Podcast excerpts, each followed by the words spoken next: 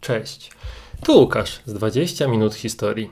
W ostatnim odcinku opowiadałem Wam, w jaki sposób Rzym podporządkował sobie całą Italię. No tak, ale wystarczy wklepać w wyszukiwarkę hasło Cesarstwo Rzymskie albo Imperium Rzymskie i od razu pojawia się nam mapa obejmująca nie tylko dzisiejsze Włochy, ale wszystkie kraje dookoła Morza Śródziemnego. Jak do tego doszło? W jaki sposób Rzym, jedno miasto, podporządkował sobie wszystkie kraje basenu Morza Śródziemnego? Ciężko w to uwierzyć, ale w gruncie rzeczy Rzymianie opanowali te tereny w ciągu kilkudziesięciu lat. Opowiem Wam o tym w czterech odcinkach. Opowiem Wam, jak powstało Imperium Rzymskie, jakie terytorialnie kojarzymy. Będzie to dramat w czterech aktach. Dziś początek, w którym opowiem, jak wyglądał świat w III wieku przed naszą erą oraz kiedy i jak Rzymianie wykonali pierwszy krok, by wyjść z Italii. Oto akt pierwszy rzymskiej drogi do imperium. Zaczynamy. Rzymianie opanowali Italię do około 270 roku przed naszą erą. Rzym uzyskał dostęp do zasobów italskich ludów, zwłaszcza do rekruta. Przez Italię rozumiem tu jedynie sam Półwysep Apeniński, na południe od rzeki Pady, bez dzisiejszych Włoch Północnych oraz bez żadnych wysp. W skali tej części świata, to znaczy basenu Morza Śródziemnego, władztwo rzymskie oczywiście było już dostrzegalne, ale nie było jeszcze czymś wyjątkowym. Była to już jakaś moc, ale wciąż moc jedynie lokalna. Zanim rozpocznę opowieść właściwą o tworzeniu się rzymskiego imperium, pozwólcie na rzut okiem na basen Morza Śródziemnego na początku lat 60. III wieku przed naszą erą. Wyobraźmy sobie, że Italia leży na zegarze na godzinie 12, a my będziemy się teraz przesuwać na wschód zgodnie z ruchem jego wskazówek. Zaraz na wschód od Italii, za Adriatykiem, nazywanym przez Rzymian Morzem Górnym, mamy dzisiejszą Dalmację. W III wieku zwano te tereny Ilirią. Według Apiana z Aleksandrii nazwa wzięła się od Iliriusza, syna cyklopa Polifema. Zamieszkiwały ją plemiona ilirejskie, tworzące niewielkie królestwa. Na uwagę zasługuje to zwłaszcza państwo Ardiajów na wybrzeżu. Zaraz poniżej nich są Epir, z którego pochodził Pyrrhus, bohater ostatniego odcinka, oraz Macedonia. I tutaj dochodzimy zwolna do centrum ówczesnego świata – bo centrum wtedy było na wschodzie, umeblowanym po epoce Aleksandra Wielkiego i zhelenizowanym, poddanym wpływom kultury greckiej.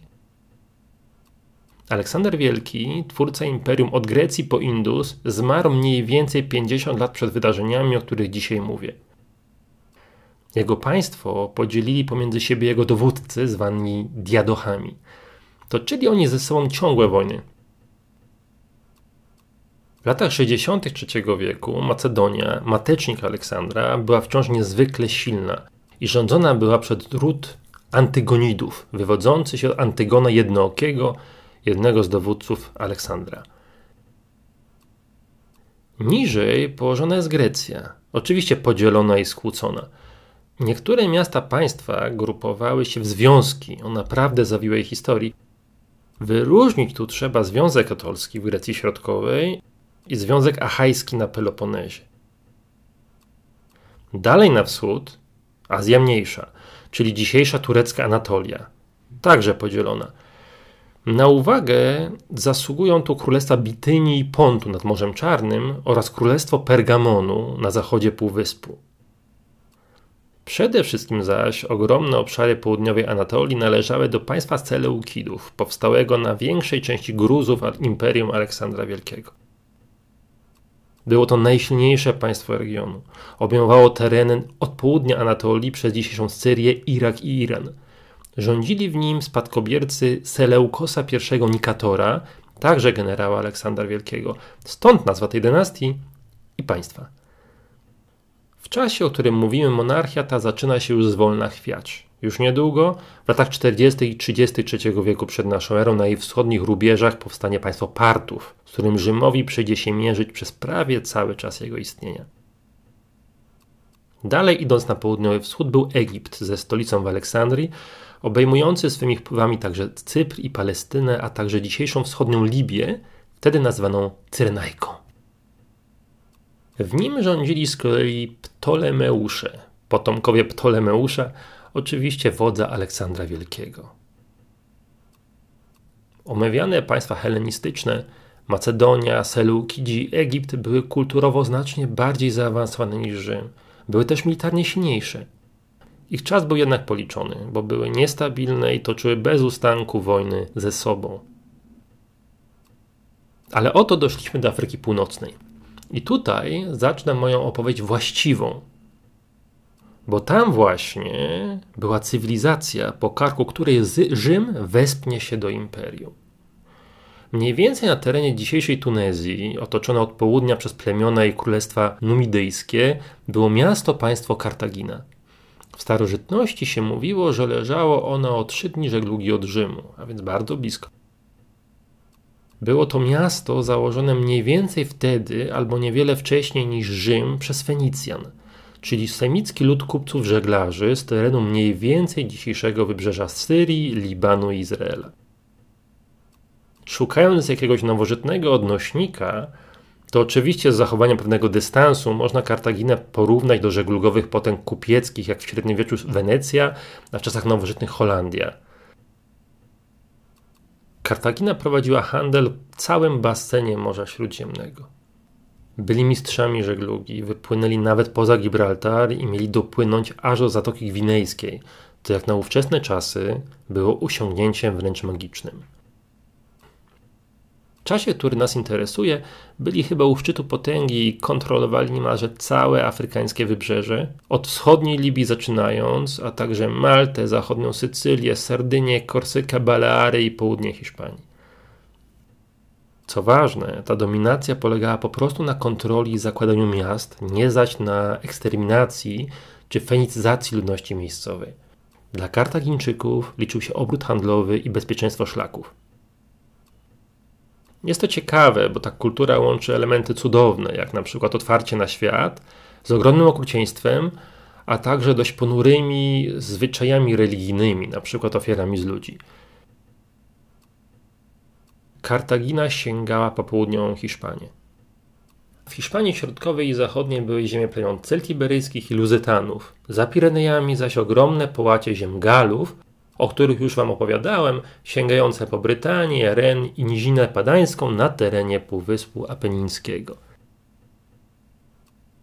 I w ten oto sposób wróciliśmy na naszym zegarze do Italii i Rzymu. Jak widzicie, przy rozmachu potęg wschodnio-śródziemnomorskich to wciąż było państwo prowincjonalne, a przy tym blokowane ze wszystkich stron. Od północy wpływy rzymskie korkowały wspomniane plemiona galijskie, kontrolujące całą nizinę padańską oraz oczywiście wyżej Alpy. Na południu zaś taką barierą było po prostu morze. Słuchajcie, Rzymianie nie żeglowali. Ale w latach 73 wieku doszli do Kalabrii, a stamtąd widać Sycylię. Zdaje się ona być na wyciągnięcie ręki. I właśnie Sycylia stała się pierwszą ziemią poza Italią, pierwszą ziemią za morzem zagarniętą przez Rzym. Oczywiście nie obyło się bez walki. Historia nie zna próżni. Od prehistorii pojęcie ziemi bezludnej, no poza kilkoma ekstremalnymi klimatycznie obszarami, w zasadzie nie istnieje. A już na pewno nie istniało w starożytności w basenie Morza Śródziemnego. Zanim na Sycylii pojawili się Rzymianie, były tam inne ludy. Od epoki żelaza mieszkały tam trzy pierwotne plemiona indoeuropejskie – Elymowie, Sykanowie i Sykulowie. Tak w VII-VI wieku na Sycylii rozpoczęła się kolonizacja grecka oraz fenicka. Zwróćcie uwagę, że wówczas Rzym już istniał. Była to jednak osada o takim znaczeniu, że Sycylia była dla niej ziemią bardziej odległą niż dla nas na przykład Hawaje.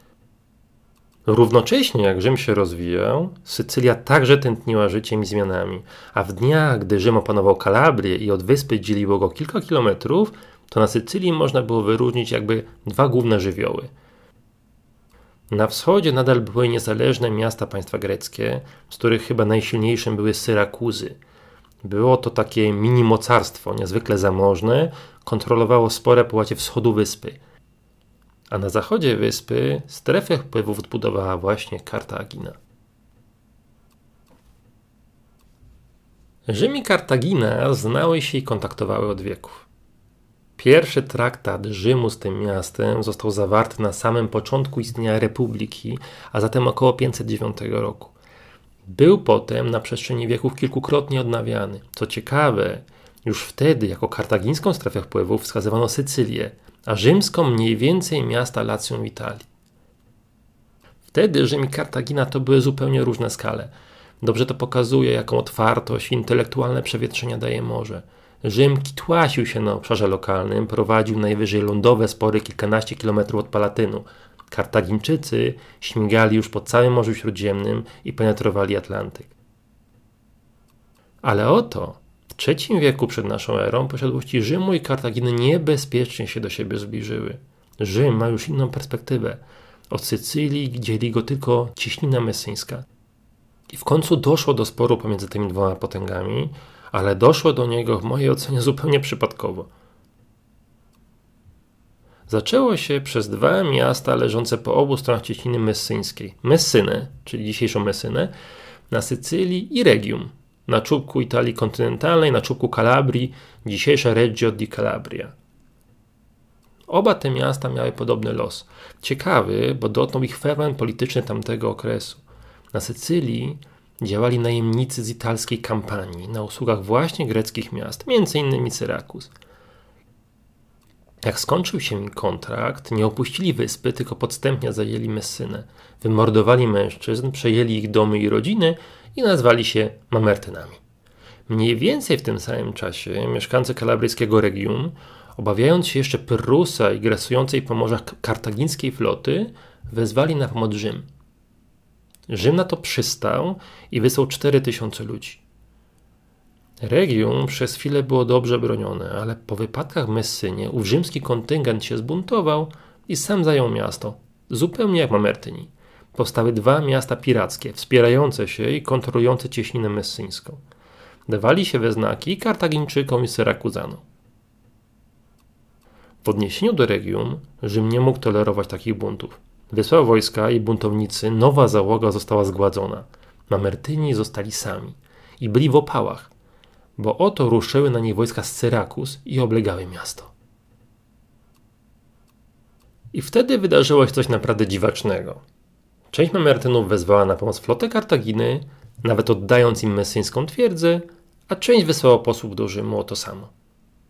Polibiusz, grecki historyk Rzymu, nie rozwodzi się szerzej, czemu tak się stało. Nie wiadomo więc, czy był to jakiś sprytny zamiar Mamertynów, aby rozgrywać konkurencyjne siły, czy było to rozpaczliwe poszukiwanie pomocy na zasadzie piszemy do wszystkich i zobaczymy, kto odpowie, czy też po prostu był to zwykły przypadek albo głupota. Rzym ostatecznie do akcji przystąpił i wysłał posiłki. Pomoc w Rzymie obawiano się nadmiernego wzrostu Kartaginy. Obawiano się, że prócz zachodu opanuje jeszcze wschód Sycylii, skąd już tylko krok do samej rzymskiej Italii. Co się stało dalej? Na taki obrót sprawy Mamertyni szybciutko wygnali Kartagińczyków z Messyny i czekali na Rzymian. Kartagińczycy jednak nie odpuścili. Flota Kartaginy i armia lądowa ruszyła na Messynę. I słuchajcie, sytuacja była taka. Jak Rzymianie mieli przybyć na Sycylię, Messyna była wciąż w rękach Mamertynów, ale była w oblężeniu przez Kartaginę, czyli wojska niedawno wezwane na pomoc, i w oblężeniu przez Syrakuzy – co zrobił rzymski konsul? Najpierw zaatakował Syrakuzan, a ci tak oberwali, że się wycofali. Potem natarł na Kartagińczyków, ich też odparł. A następnie ruszył na południe wyspy i Rzym na to dosłał jeszcze posiłki. Na stronę Rzymian przechodziły kolejne miasta wschodniej Sycylii. W końcu król Syrakus, Hieron, postanowił zawrzeć sojusz, na co Rzymianie, których kończyły się już zapasy, chętnie przystali – Syrakuzy od tego czasu stały się sojusznikiem Rzymu. Było to wydarzenie niezwykle ważne, bo odciążyło Rzym finansowo, a Kartagińczycy zostali sami. Tak właśnie z misji pomocowej zaczęła się inwazja. Był rok 264 przed naszą erą i o czym zapewne główni aktorzy nie mieli pojęcia, zaczynała się wojna, która miała trwać ponad 20 lat, do 241 roku. Rzymianie już z Sycylii nie odeszli. Nie zatrzymali się też na samej Messynie. Nie wystarczyła im kontrola samej cieśniny. Znowuż nie wiadomo, czy był to z góry powzięty zamiar, czy też tak wyszło na fali sukcesów. Czytając źródła, odnosiłem wrażenie, że sporo tu osobistej woli dowódców rzymskich. Słuchajcie, Armią rzymską dowodzili konsulowie, których kadencja trwała rok. Na okrągło więc na Sycylię przybywali nowo wybrani dowódcy, którzy chcieli się wykazać. I udawało im się, że mianie wygrywali, a jak pisze Polibiusz po pokonaniu Kartagińczyków w dużej bitwie pod Agrygentem położonym na południu wyspy, Rzym już miał zamiar oczywisty opanowania całej wyspy. Po prostu poczuli, że mogą. Była jednak pewna przeszkoda. Rzymianie nie mieli floty. W ogóle. Statki musieli pożyczać od miast greckich na południu Italii. Nie da się zaś opanować wyspy bez floty, bez kontroli mórz przybrzeżnych. Powstała sytuacja, że miasta wewnątrz Sycylii opowiadały się za Rzymem, ale miasta wybrzeża, a zatem te najbogatsze i najważniejsze, w obawie przez kartagińską flotą woleli Rzymu nie popierać. I Senat podjął decyzję o budowie floty. Było to w roku 261 przed naszą erą i w mojej ocenie jest to jedna z najważniejszych dat, najważniejszych momentów w historii Rzymu. Oto Rzym swoimi siłami wychodzi poza Italię, zaczyna być mocarstwem. A wiecie z czego skorzystali jako wzoru? Ze statku Kartagińczyków, który zapędził się za daleko i osiadł na mielinie. Niestety, pojawił się wtedy kolejny problem. Załogi. Kartagińczycy po prostu byli bieglejsi ich marynarze byli lepsi. Rzymianie specjalizowali się w piechurach, nie żeglarzach. I Rzymianie znowu wykazali się zmysłem praktycznym. Z bitew morskich zrobili bitwy lądowe. W jaki sposób? Wyposażyli statki w rodzaj mostu kładki zakończonej szpikulcem. Nazywali to kruk, bo w istocie wyglądał jak ptasi łeb z dziobem. Gdy statek nieprzyjaciela zbliżał się, opuszczali kruka, ten wbijał się w pokład wrogiej jednostki, a pokładce wojska lądowe przechodziły na pokład nieprzyjaciela. Zaczynała się na statku bitwa lądowych jednostek. To była, przynajmniej przez chwilę, prawdziwa Wunderwaffe. Rzymianie, naród lądowy, pokonał w bitwie morskiej mistrzów żeglugi Kartagińczyków. Wojna toczyła się ze zmiennym szczęściem aż do roku 241. Szczegóły tego konfliktu są dość nużące. Po drodze Rzymianie próbowali dokonać inwazji na Afrykę. Początkowo mieli pewne sukcesy, ale ostatecznie sromotnie przegrali z, z Kartagińczykami, tak że nawet konsul dostał się do niewoli. Samą Sycylię udało mi się względnie kontrolować. Bazy kartagińskie się kurczyły. Wówczas na wyspie wylądował nowy dowódca kartagiński Hamilkar, który toczył walki partyzanckie i Rzymianie nie mogli dać mu rady. Sytuacja była patowa. Przy tym wszystkim Rzymianie tracili floty w sztormach i bitwach, ale ciągle zdołali budować kolejne. Przez całą wojnę Rzymianie wystawili bodajże trzy razy kolejne floty od zera. Drenowało to kieszenie tak, że przy ostatniej odbudowie Rzym zadłużył się u własnych arystokratów. Pożyczki miały być zwrócone, ale tylko w razie wygrania wojny. Takie finansowanie, można powiedzieć, zbiórką publiczną, pokazuje, że Rzym był o krok od porażki.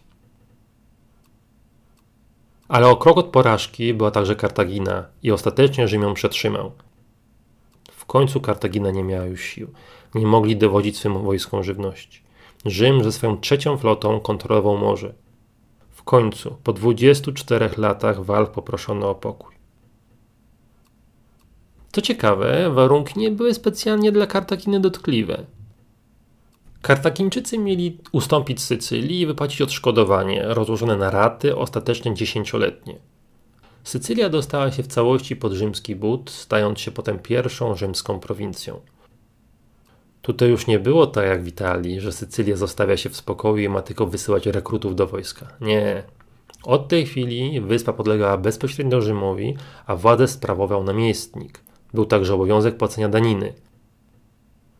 Król Syrakus, który przez całą wojnę wiernie stał przy Rzymie, władzę zachował, ale Syrakuzy były już od tego czasu, tak jak inne liczne miasta Italii, klientem Rzymu. Tak właśnie skończyła się pierwsza w historii wyprawa wojsk rzymskich poza granice Italii. Wojna ta przeszła do historii jako pierwsza wojna punicka. Punicka, bo Rzymianie nazywali Kartagińczyków Punijczykami. Nie była to wojna o światową dominację, ale w sumie lokalny konflikt o Sycylię. Myślę, że o znaczeniu znacznie większym dla Rzymu niż dla Kartaginy – Oczywiście, jak na standardy starożytności, Sycylia była terytorium sporym, ale nie zmienia to faktu, że były to w sumie lokalne waśnie. Kartagina nie straciła niezależności ani statusu mocarstwa. Wojna strasznie przeorała jej kieszeń, ale to wciąż była handlowa potęga. Dla Kartaginy posiadanie Sycylii nie miało znaczenia egzystencjalnego. Jej nie chodziło o tworzenie imperium, ale o kontrolę szlaków handlowych. A trzeba pamiętać, że owszem, stracono Sycylię, ale wciąż utrzymywano Sardynię, Korsykę, Baleary i Maltę, a zatem wciąż szlaki na zachód Morza Śródziemnego były bezpieczne. Inaczej dla Rzymian, dla nich to był pierwszy krok na zewnątrz, a taki krok jest zawsze najbardziej istotny najbardziej opłacalny. Dla Rzymian spór o Sycylię to było pierwsze wyjście, awans. Dla Kartaginy jedynie jeden krok z wielu, a utrata bolesna, ale nie niszczycielska. Niestety, Sardynią i Korsyką Kartagina długo się nie nacieszyła. Dlaczego? Przez najemników. Kartagina miała małe wojska własne. To byli kupcy, nie wojownicy. Posługiwali się głównie najemnikami. Wojna tak wypompowała kartagińską kieszeń, że nie miała siły, by się z nimi końcowo rozliczyć, a oni wszczęli powstanie, które dopiero po wielu krwawych walkach zostało stłumione. Gdy Kartagina zajęta była walką z powstańcami, Rzymianie dokonali zbójeckiego aktu silniejszego. Łamiąc traktat pokojowy, zajęli Sardynię i Korsykę. Kartagina nie mogła nic na to poradzić, a wyspy stały się kolejną rzymską prowincją i będą nią przez kolejne 600 lat. W wojnie punickie omawia się w szkołach. Nacisk położony jest na tzw. Tak drugą wojnę punicką i całą historię Hannibala. Wydarzenia, o których mówi ten odcinek podcastu, najczęściej kwituje się jednym zdaniem. Pierwsza wojna punicka miała trwać w latach 264-241 i była sporem o Sycylię. Jest to zdanie oczywiście prawdziwe, ale takie upraszczanie historii jest nieco bałamutne. Umniejsza bowiem tego konfliktu znaczenie. Wojna ta, co prawda, miała charakter lokalny, ale była brzemienna w skutkach, powiedzmy pośrednich. Była swego rodzaju pierwszą kostką domina, której przewrócenie pociągnęło reakcję łańcuchową, która doprowadziła do zmiany świata. A dlaczego? O tym opowiem Wam w drugiej części Drogi Rzymu do Imperium. Tyle na dzisiaj. Dziękuję za Was czas. Trzymajcie się. Cześć.